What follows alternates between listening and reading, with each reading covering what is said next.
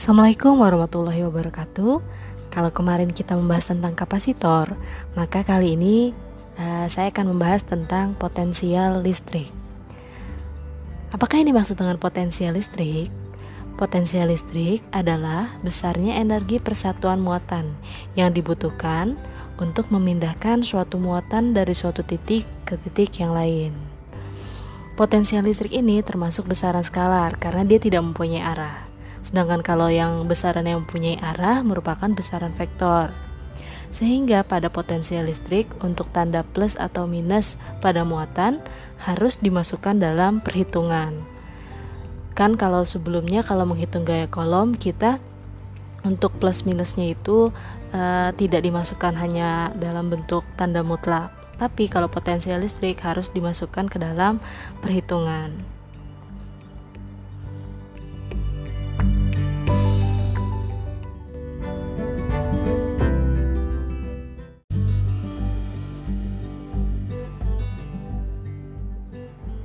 Ada beberapa rumus yang digunakan dalam potensial listrik. Yang pertama adalah potensial listrik di suatu titik dari muatan sumber. Di mana nanti ada dua rumus. Yang pertama adalah jika di soal diketahui medan listrik dan jaraknya terhadap muatan. Maka rumus potensial listrik menjadi medan listrik dikalikan dengan jaraknya atau E dikalikan dengan R. Jika nanti yang diketahui dalam soal adalah energi potensialnya dan muatannya, maka potensial listrik rumusnya menjadi energi potensial dibagi dengan muatan. Apabila yang dicari adalah energi potensialnya, rumusnya menjadi potensial listrik dikalikan dengan muatan atau V dikalikan dengan Q di mana E sama dengan medan listrik satuannya adalah Newton per kolom, R adalah jarak antar muatan satuannya meter, EP adalah energi potensial listrik satuannya joule, dan Q muatan satuannya kolom.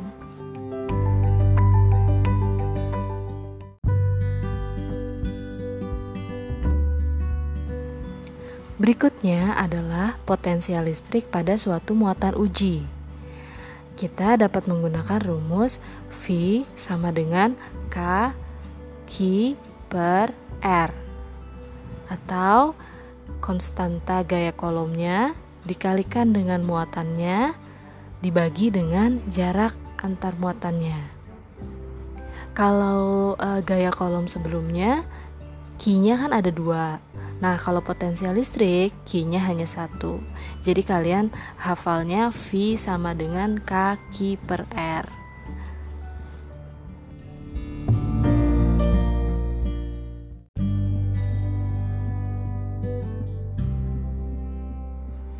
Setelah kita mengetahui rumus-rumus yang ada pada potensial listrik, selanjutnya menghitung beda potensial listrik di antara dua titik atau delta V di mana delta V sama dengan V1 min V2 atau beda potensial listrik sama dengan potensial listrik di titik pertama dikurang potensial listrik di titik kedua.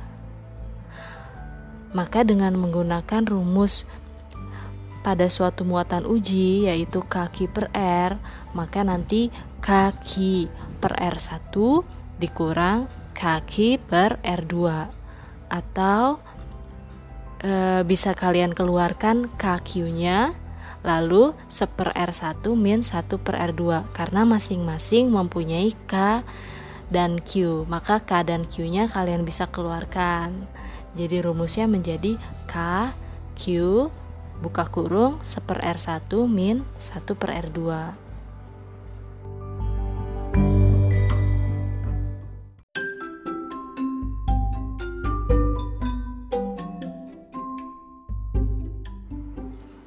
Selanjutnya adalah mencari resultan vektor potensial listrik.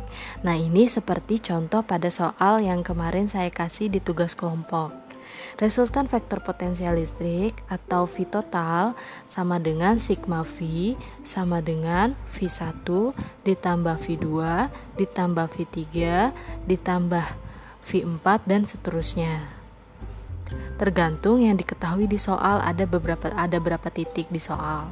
Misalnya di soal ada diketahui Q1-nya berapa, Q2 Q2-nya berapa, Q3-nya berapa.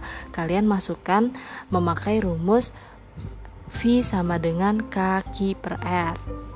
Maka kalian jumlahkan semuanya K Q per R1 tambah K Q2 per R2 ditambah K Q3 per R3 dan seterusnya. Karena semuanya mempunyai K, maka kalian dapat mengeluarkan K-nya. Jadi K-nya dikeluarkan, K buka kurung Q1 per R1 ditambah Q2 per R2 ditambah Q3 per R3 dan seterusnya.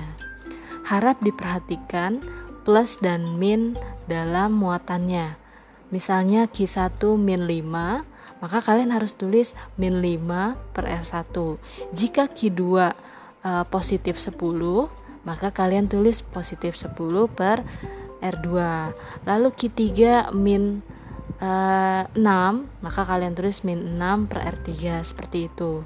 Jadi tanda plus atau minnya harap dimasukkan. Jadi tidak mungkin semuanya itu plus semua. Jadi pasti ada muatan beberapa muatan yang plus dan minus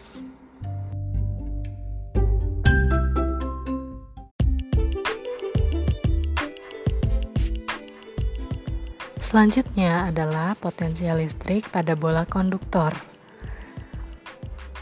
Medan listrik erat kaitannya dengan beda potensial. Jika medan listrik 0, maka beda potensial pun menjadi 0. Beda potensial 0 berarti tidak ada perbedaan potensial listrik di dalam bola berongga. Dengan kata lain, potensial listrik di dalam bola berongga besarnya sama. Besar potensial di dalam bola berongga sama dengan potensial listrik di permukaan bola. Jadi, apabila terdapat titik-titik yang ada dari mulai pusat bola, badan bola, hingga ke permukaan kulit bola, maka nilainya semuanya potensial listriknya adalah sama. Beda halnya jika titik itu terletak di luar bola, maka nilainya beda. Cara melihatnya adalah semakin jauh dari permukaan bola, maka semakin kecil potensial listrik pada titik tersebut. Karena ini berbanding terbalik antara V dengan R, seperti pada rumusnya. V sama dengan K Q per R. Maka untuk potensial listrik berbanding terbalik dengan jarak muatannya. Semakin jauh jarak muatannya, semakin kecil potensial listriknya. Seperti itu.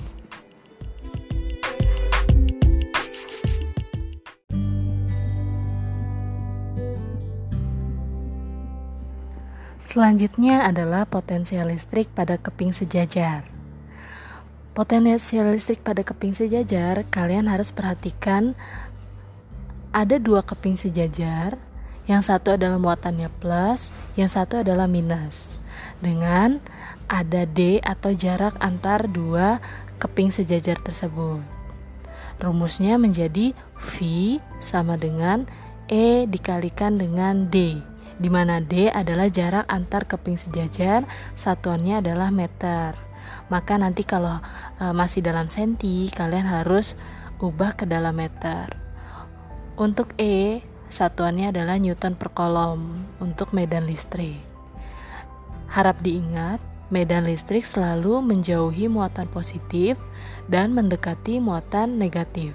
Maka arahnya nanti adalah jika muatan positif ada di keping sebelah kiri dan uh, muatan negatif ada di keping sebelah kanan, maka arah medan listrik adalah menuju keping yang kanan atau yang bermuatan negatif. Untuk rumus V sama dengan E dikali D atau E dikali R, maka nanti jika yang ditanya adalah D-nya atau jaraknya, maka rumusnya menjadi V dibagi dengan muatan V dibagi